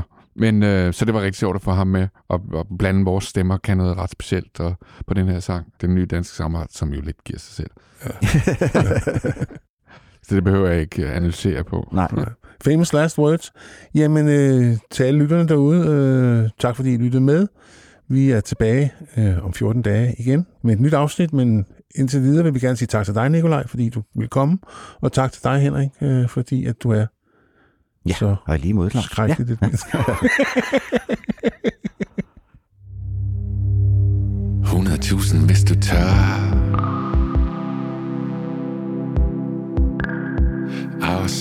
din mission. Viske ind i mit øre. Det du aldrig fortalte nogen. 100.000 for et pige.